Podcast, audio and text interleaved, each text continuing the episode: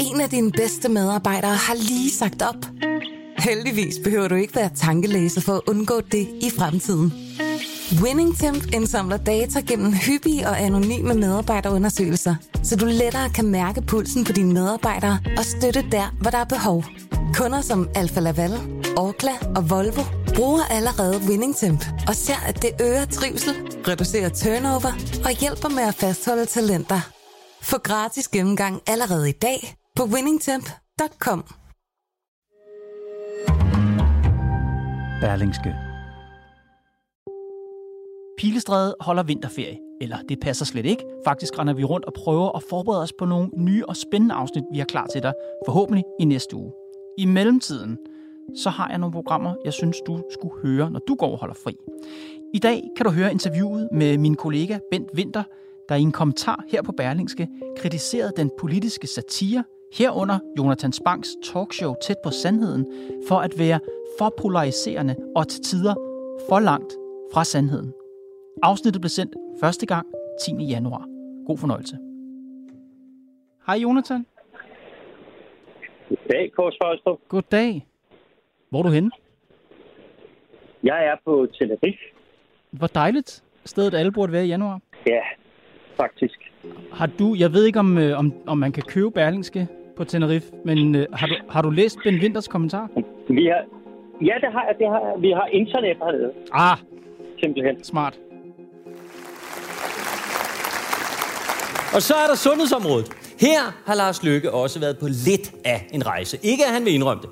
Du skar bare på velfærdsområdet, og nu sidder vi altså her og øh, har ikke nok sygeplejersker. Men, men det er jo ikke en rigtig udlægning af historien. Men det synes jeg ikke, jeg skal bruge min taletid på her i dag. Det kan folk jo bare selv google sig øh, frem til. Lav din egen research. Mange griner, når Jonathan Spang griller de danske politikere på tv-skærmen. Men okay, jeg googler det. Hvem smadrede sundhedsvæsenet? Nå for søren. Ja, det viser sig, at der var en fyr, der hed Lars L. Rasmussen, der besluttede, at sundhedssektoren skulle spare 2% hvert år. Uh, ser man det? Tak, Google. Men Berlingskes politiske kommentator, Bent Winter, synes ikke, det er sjovt.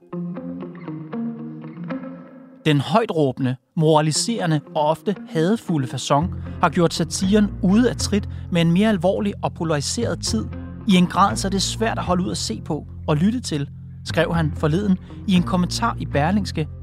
Men jeg tænker, har Ben Winter overhovedet forstået, hvad satire er, og hvilket formål den tjener?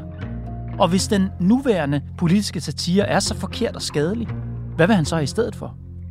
Det spørger jeg ham om i dag. Velkommen i Bilestræd.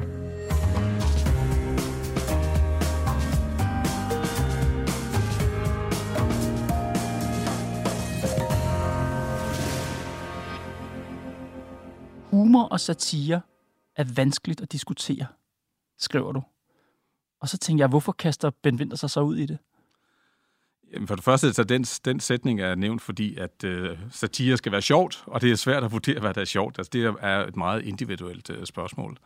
Men når jeg går ind og diskuterer det, så fordi jeg møder faktisk ofte mennesker, som er virkelig trætte af, af politik. De kan ikke holde ud og høre på det. De synes, det er hadefuldt. De synes, det er polariseret. De synes, det er meget personligt. Og på, på den måde, så tror jeg, at vi skubber øh, i den politiske debat en masse mennesker fra os. Og, og, og hvis man så ser på, hvor sker de ting, de sker selvfølgelig på sociale medier, men de sker også i, i satiren, og de sker også i mange af de her programmer, som øh, blomster op øh, mange steder, hvor der sidder to-tre mennesker i et studie, og bagtaler en tredje, der sidder udenfor, og som ikke kan komme til ord, men, men gør det også øh, ofte på en, øh, hvad skal vi sige, ikke særlig kærlig måde. Okay, lad os prøve at snævre det lidt ind. Og lad os tale om den politiske satire, altså den rene politiske satire i Danmark.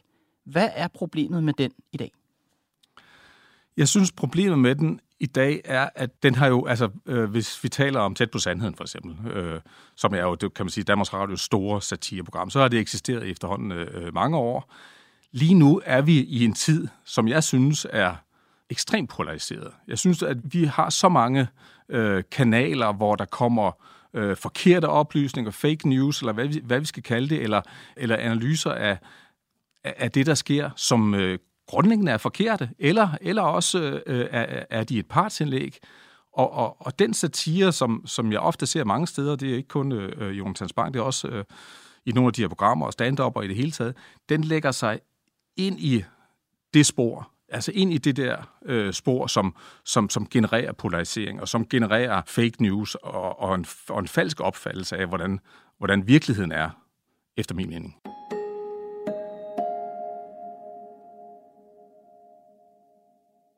Et af de formater, altså inden for den politiske satire, som du kritiserer, er formentlig det mest populære politiske satireprogram i Danmark, Tæt på Sandheden, på DR med Jonathan Spang som vært.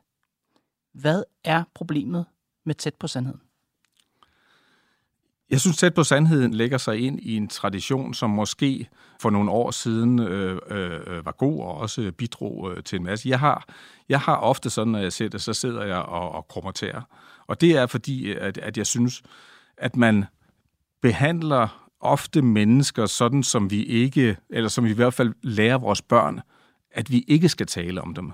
Og vi skal slet ikke tale med andre mennesker, som ikke er til stede på den måde. Og det er jo, det er jo ofte det, der sker både i satiren, men også i andre programmer. Jeg, jeg, jeg synes, vi er ude i noget, som, som ofte ligner noget, der er, er uordentligt, mm-hmm. øh, øh, også øh, moralsk set. Okay, så din målestok for, hvorvidt vi bør have politisk satire i Danmark, og hvorvidt den politiske satire i Danmark, vi har, er meningsfuld, fuld, det er, hvorvidt det er noget, vi vil lære vores børn. Er det sådan, jeg skal forstå dig? Fordi når du siger det, så tænker jeg, så bliver det godt nok svært at lave politisk satire.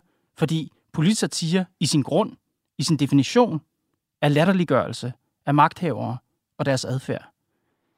Jamen, hvordan, det... vil du, hvordan vil du tillade en politisk satire, hvis det skal være børnevenligt? Altså i den forstand, hvordan vil du tillade, at vi kritiserer magthaverne, at vi latterliggør dem, at vi udstiller dem Altså, eller hvis alt det, man gør, skal være noget, som børn øh, skal opdrages til?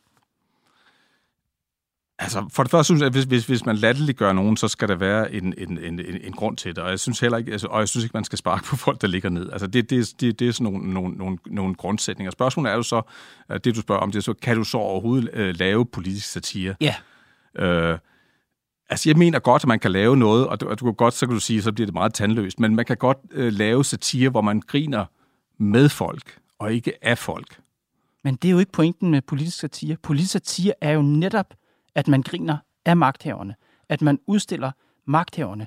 Det gør man i satiretegninger, det gør man i vidigheder, det gør man på alle mulige måder. Det er jo ikke noget, man gør sammen med politikerne, så de synes, det er hyggeligt og sjovt. Det er jo en magtkritik. Og det er jeg faktisk, e, det er faktisk uenig i. Jeg, altså, altså, jeg er uenig i, at uh, satire skal være magtkritik. Jeg kan også se direktøren i Danmarks Radio er ude og sige, at det her er et magtkritisk program. Hvis du skal være magtkritisk, så går du ud og undersøger sagerne. Så går du ud og prøver at bore dig ned i et eller andet sag, ligesom vi gør her på Berlingske, øh, og finder ud af, at der er et eller andet helt galt med magten, som bliver administreret forkert, der er magtmisbrug osv. Mm-hmm. Det er ikke magtkritik, at stille sig op og råbe, ha, ha, ha, du har dummet dig. Det er tværtimod, som jeg ser det, med til at, at, at, at polarisere noget, hvor vi ikke bliver klogere, vi bliver ikke mere eftertænksom, vi bliver bare mere hadefulde.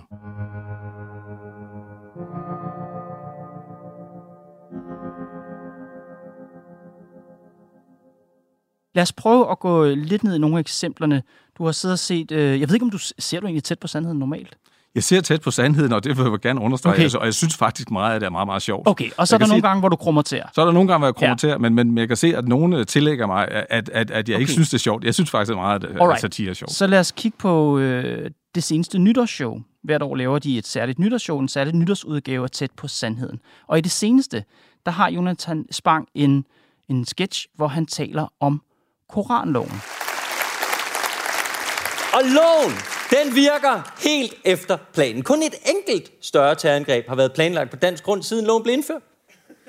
Jamen, der foregår det, at, øh, at øh, altså, det, handler hele, det handler alt sammen om koranloven, og, og de har den her afstemning, der har været i Folketinget, og, og, og, og så videre. Så på et tidspunkt, så hiver han en overskrift frem, øh, hvor han siger, den betyder, at man kan aflytte og rensage borgere og aktivister i flæng. Måske skyldes din mistro, at du i virkeligheden er bange for, at koranloven giver efterretningstjenesterne beføjelser til at aflytte og overvåge aktivister og kunstnere i flæng.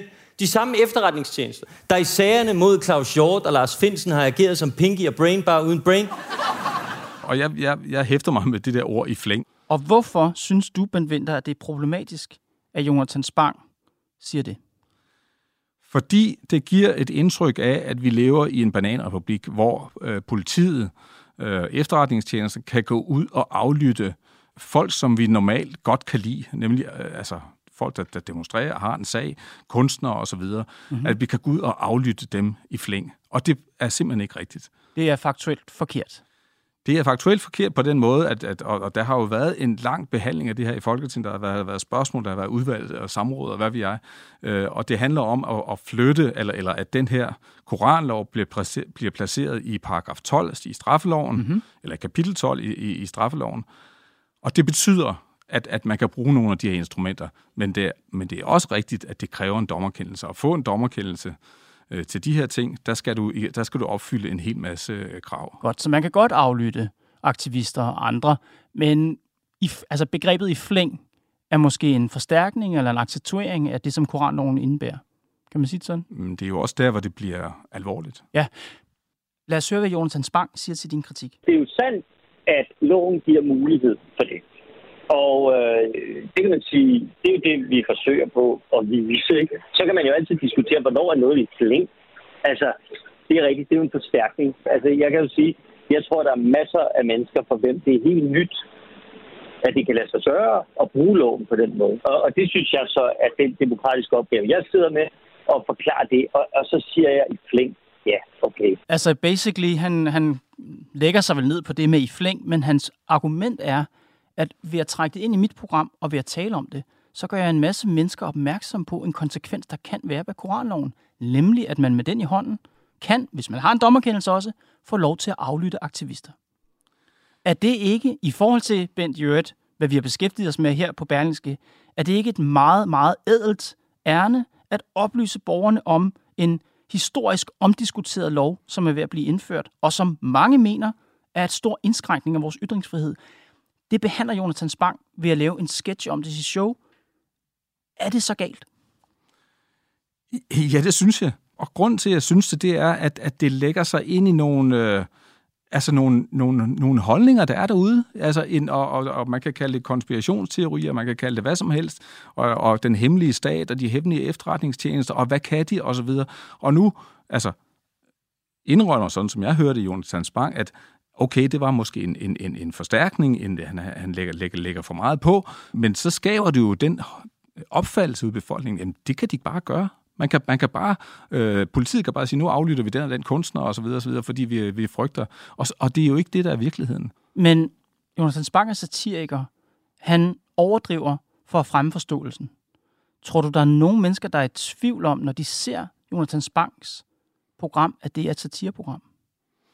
Fordi det kræver det jo næsten, hvis man skal tage for gode varer, hvad manden siger, så skal det være, fordi man ikke indser det satire. Så skal det være, fordi man ikke tænker, ah, alt hvad der bliver sagt i det program, det bliver nødt til at tage med grænsalt. Ja, og det synes jeg også er et interessant spørgsmål, om man, kan man sige, går ind med det mindset, at øh, det her, det er satire, vi skal ikke rigtig tro på noget, det er bare sjov og ballade. Men lige præcis i de her situationer, hvor han går ind og tager fat i sådan nogle områder, øh, som handler om, om, om politiets arbejde og aflytning osv., og, og så og, og, og gøre det, og, og jeg hører jo også, at han, at han i virkeligheden forsvarer det. Det er jo ikke sådan, at han siger, at det her det er ikke, altså det, at det er sjovt at lade. Han går øh, i de her interviews, som, som du bringer her, siger han jo, jamen det var jo, altså, det var jo en, en sandhed. Ikke? Jeg gik lidt for langt, men, men det var en sandhed. Et andet eksempel fra Tæt på Sandhedens nytårsshow, som du synes er problematisk, er beskrivelsen af Pia Olsen Dyr, SF's formand. Den kommer på et tidspunkt, hvor Jonathan Spang har talt om Argentinas nye præsident, Javier Milei. Og hvis du tror, det ikke kan blive vildere, så velkommen til Argentinas nye præsident.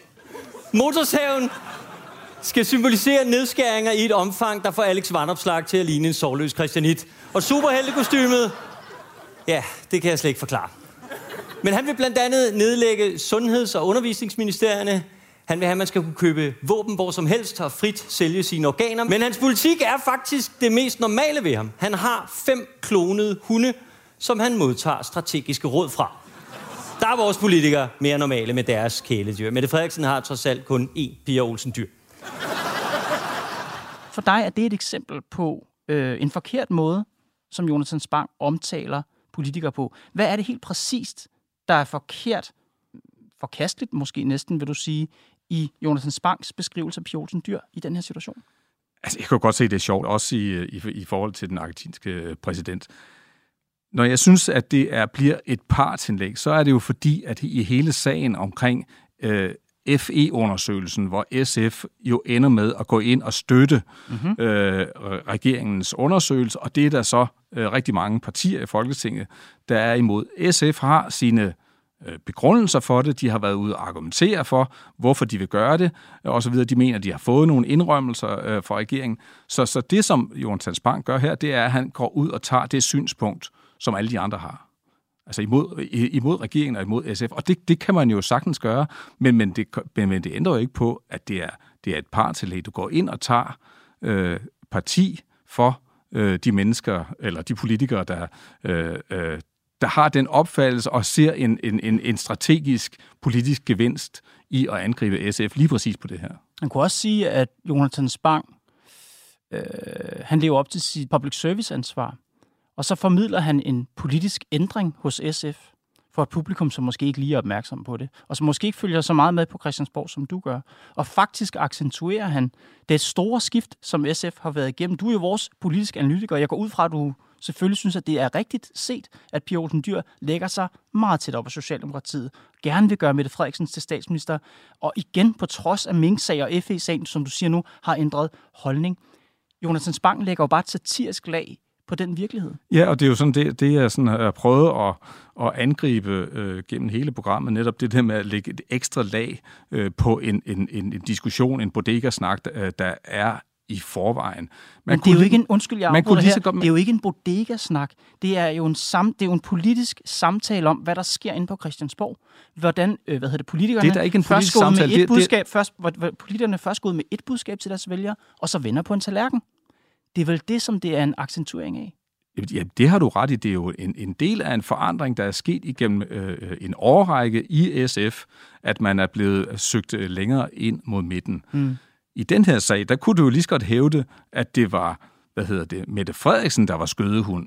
Det er hende, der taber og taber og taber i meningsmåling, mens øh, det er Pia Olsen Dyr, der vinder. Så hvem er det virkelig, der er den stærke? Hvem er det, der er kæledyret i, i, i det her forhold? Altså, hvis du gik ind og prøvede at, at, at, at, at, lave den argumentation, så ville du lave det måske noget, der var lidt mere finurligt og måske øh, lidt mere eftertænkt, som siger, okay, det er måske ikke ligesom vi står vi går rundt og siger og sidder og snakker om på det. Det er måske i virkeligheden øh, noget helt andet, måske meget klogt af, af Pia Olsen Dyr. Det, det som øh, Jonathan Spang er, er imod, det er jo, at SF er gået med ind og lavet den her aftale, og det kan man jo godt, kan man jo sagtens Det ved jeg ikke om jo, det, det, det vil jeg slet ikke, det, det har jeg ikke spurgt ham om, fordi jeg har ikke spurgt ham til hans politiske standpunkt. Det, som vi diskuterer her, er jo, hvorvidt satiren er rimelig eller ej. Vi diskuterer, hvorvidt det er rimeligt at kalde Pia Olsen Dyr for et kæledyr. Det synes du ikke, det er? Ikke, altså, altså, ikke i en sammenhæng, hvor, hvor det ikke øh, giver mening, altså i forhold til altså den politiske situation, vi er i, og, og hvor det er at gå ud og tage øh, part. Altså, det er jo at gå ind og tage et, et politisk standpunkt. Det, det, ja, du, du skriver faktisk, da du nævner det eksempel i din kommentar, den slags udsagn løber altid nogens ærne. Hør lige, hvad Jonathan Spang siger til det. Altså, det er jo klart, at lige meget hvad man siger, så vil der jo altid være nogen, hvis interesse man plejer. Det er vel det, som øh, Ben Binder siger her. Men der synes jeg, at det er interessant. Så skulle han se på, hvem der har delt hans øh, egen kritik her. Kulturordfører Jan E. Jørgensen, Rasmus Stoklund, øh, særlig rådgiver for vores kirke og landdistriktsminister. ja. øh, så den kommer jo også til at gå nogens ærne. Ja, udsagn løber jo altid nogens ærne, fordi nogen vil jo altid være enige i en eller anden position, man indtager. At, det grund nok til at sige, at den politiske satire i Danmark, og i særdeleshed her tæt på sandheden, er, er galt afmarcheret? Jamen, jeg synes, at Jonas Hans Bang her har et, øh, et, et, et pointe, og jeg synes, det er, det er jo noget, vi er ekstremt opmærksom på. Øh, altid, når vi laver journalistik, og når jeg laver øh, politiske øh, analyser. Jeg synes, når man har den platform, som Jonas Hans Bang har, og gør det så øh, markant og så voldsomt i, i forhold til at tage et parti, så synes jeg, at det, at det får en, en, en, en slagside. Og så, så er det, jeg siger, det er der jo nogen, der har en interesse i. Det er der jo nogen øh, i det politiske miljø, der siger, jamen det der skide godt, nu kører vi videre med den. Pia Olsen Dyr er, er, er en skødehund, så bliver det ligesom en, en etableret sandhed. Og det, det er det, jeg prøver at anholde. Også selvom han gør det over for alle. Der er jo ikke nogen politisk fagning som sådan i tæt på sandheden. Det er jo alle politikere, der får en over øh, nakken på den måde. Ja, og det synes jeg er, er, er, er godt, at man bestræber sig på det. Men jeg synes, som jeg sagde før, at det er, altså hvis du tager altså de enkelte udsagn, de enkelte øh, satire øh, sketches øh, hver for sig, så synes jeg, at de har en, en, en slagside, som øh, er med til at polarisere debatten.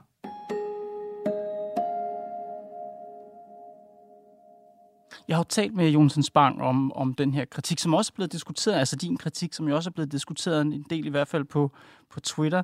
Øh, han anerkender ikke rigtig præmissen for din kritik, altså det her med, at alting flyder sammen, at folk ikke længere kan kende forskel på satire og journalistik. Lad os lige høre, hvad han siger. Jeg er med på, at den vinter, han ønsker, at vi skal holde os øh, tættere til fakta, for ikke at mislede publikum. Men altså, der tror jeg bare, at min tillid til publikum er større end den vinters. Altså, min oplevelse er faktisk, at folk godt kan forstå, at vi laver nogle vidigheder, de er så baseret på noget fakta, men at der selvfølgelig er noget, sådan, altså noget overdrivelse og noget sjov og sådan noget øh, i det, ja. og de egentlig godt kan skille det ad. Folk kan godt skille det ad, Ben Winter. Folk kan godt se, at det her det er sjov. Det er selvfølgelig ikke en eller anden stor øh, øh hvad hedder det, forsidehistorie på Berlingske. Jamen, det håber jeg også, de kan. Altså, det, og det, det, Men tror du, tror du ikke, de kan det? Jeg tror, der, jeg tror faktisk, der er nogen, der ikke kan. Jeg, jeg, jeg tror faktisk, der er mange, som, hvor, hvor det får karakter af et ekokammer. At man, man lytter til den slags øh, øh, udsagn, sketches, som, som Jonathan Spang har, fordi det lægger sig oven på noget, øh, som man har hørt eller læst på øh, de sociale medier, eller i, i nogle af de her øh, taleprogrammer øh, i radioen, som jeg, som jeg nævnte før. At hvor, hvor, hvor det, at du, altså, du går ind og bekræfter nogle, nogle fordomme, som måske ikke er rigtige, og som øh, nogle gange øh, ikke er rigtige, øh, og der, der tror jeg, at, at øh, jo, folk sidder og griner og synes, at, øh, at, at det er satire og sjov og, og, og, og, og så videre. Og, der, og meget af det er jo også øh, virkelig sjovt. Men jeg synes, i nogle tilfælde, der synes jeg, at man går ind og bekræfter nogle fordomme, man går ind og, og moraliserer på en måde, som man ikke behøver. Som er giftigt for demokratiet? Det, det, det, er jo, det, er jo, det er jo et stort skridt at gå, men jeg synes, der er meget gift generelt set i demokratiet i dag. Jeg synes, at vi er, altså vi, vi, vi får en afsmitning af det, vi ser i USA, hvor, hvor, hvor det med at sige ting, der ikke passer, og slyng og, og kalde folk for øgenavne, pamper og svindlere osv., det er blevet en del også af den danske politiske debat. Men mange ser satiren som en modgift. Mange vil give det ret i, ja, der er meget gift derude, men satiren er en modgift. En af dem er Dennis Meyerhoff Brink, ekstern lektor på Københavns Universitets Institut for Kunst og Kulturvidenskab, som har forsket satire. Og han siger om politisk satire sådan her. Ikke mindst i spindoktorernes tidsalder, hvor politikerne får medietræning og kun siger ting, der er gennemtænkt og planlagt på forhånd, er der behov for satire, som angriber og udstiller politikernes tendens til at tale udenom og manipulere. Hvad siger du til det? Jamen, det lyder nærmest som en, en programerklæring for det, vi laver hos os på den politiske redaktion på Berlingske. Altså, det er jo det, vi gør øh, hver dag, prøver at trænge ind i, øh, forbi spindoktoriet og alt det strategiske, øh, og, og, og, og, og lade være med at lytte til de her punchlines, som man har øh, øvet ud af. Det synes jeg ikke, Jonathan Spahn gør. Det synes jeg ikke, at satiren gør. Øh, jeg synes, ikke, så der er faktisk ikke brug for det? Der er slet ikke brug for det, Jonathan Spahn gør tæt på sandheden? Vi kunne virkelig bare nøjes med at læse Berlingskes magtkritik. Jamen, øh, jamen, jamen, jamen, jamen, er det noget, der er brug for? Ja, det spørger jeg dig om. Ja, det, det, jeg Synes ser, du, det er noget, der er brug for? Jamen, jamen der, der, der, der er der brug for det, men, men jo som underholdning. Altså, jeg ser satire som underholdning. Jeg, ja. ser, jeg ser det ikke som øh, et eller andet øh, magtkritisk øh, journalistisk program, øh, hvor, hvor man, man, man går ud, og, og nu øh, skal vi virkelig øh, sige sandheden, og vi skal, vi skal trænge ind bag. Men, men, men der er der nogen, der op, opfatter det sådan. Mm. Men jeg ser det som underholdning.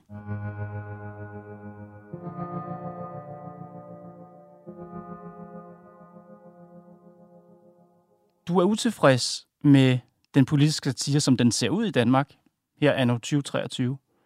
Hvad kunne du godt tænke dig i stedet for? altså, jeg virkelig jeg ville ønske, du ikke havde stillet det spørgsmål, fordi jeg, ja, altså, det er sindssygt svært at lave, at lave satire. Det vil jeg ikke være særlig, uh, særlig god til.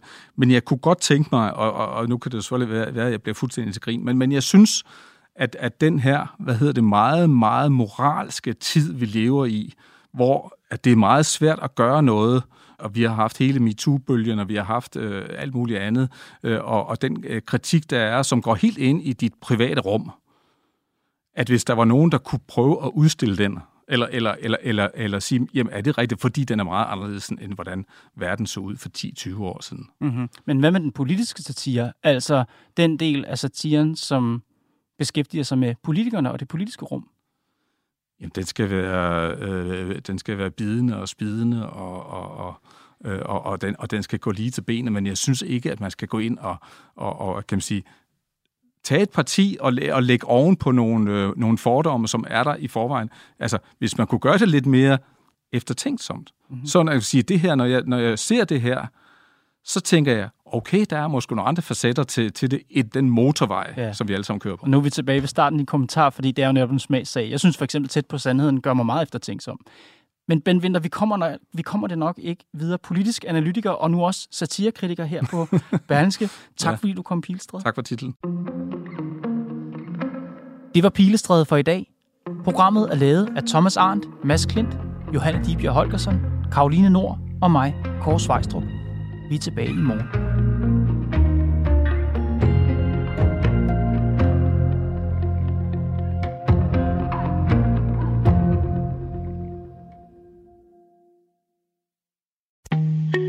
En af dine bedste medarbejdere har lige sagt op. Heldigvis behøver du ikke være tankelæser for at undgå det i fremtiden. WinningTemp indsamler data gennem hyppige og anonyme medarbejderundersøgelser, så du lettere kan mærke pulsen på dine medarbejdere og støtte der, hvor der er behov. Kunder som Alfa Laval, Orkla og Volvo bruger allerede WinningTemp og ser, at det øger trivsel, reducerer turnover og hjælper med at fastholde talenter. Få gratis gennemgang allerede i dag på winningtemp.com.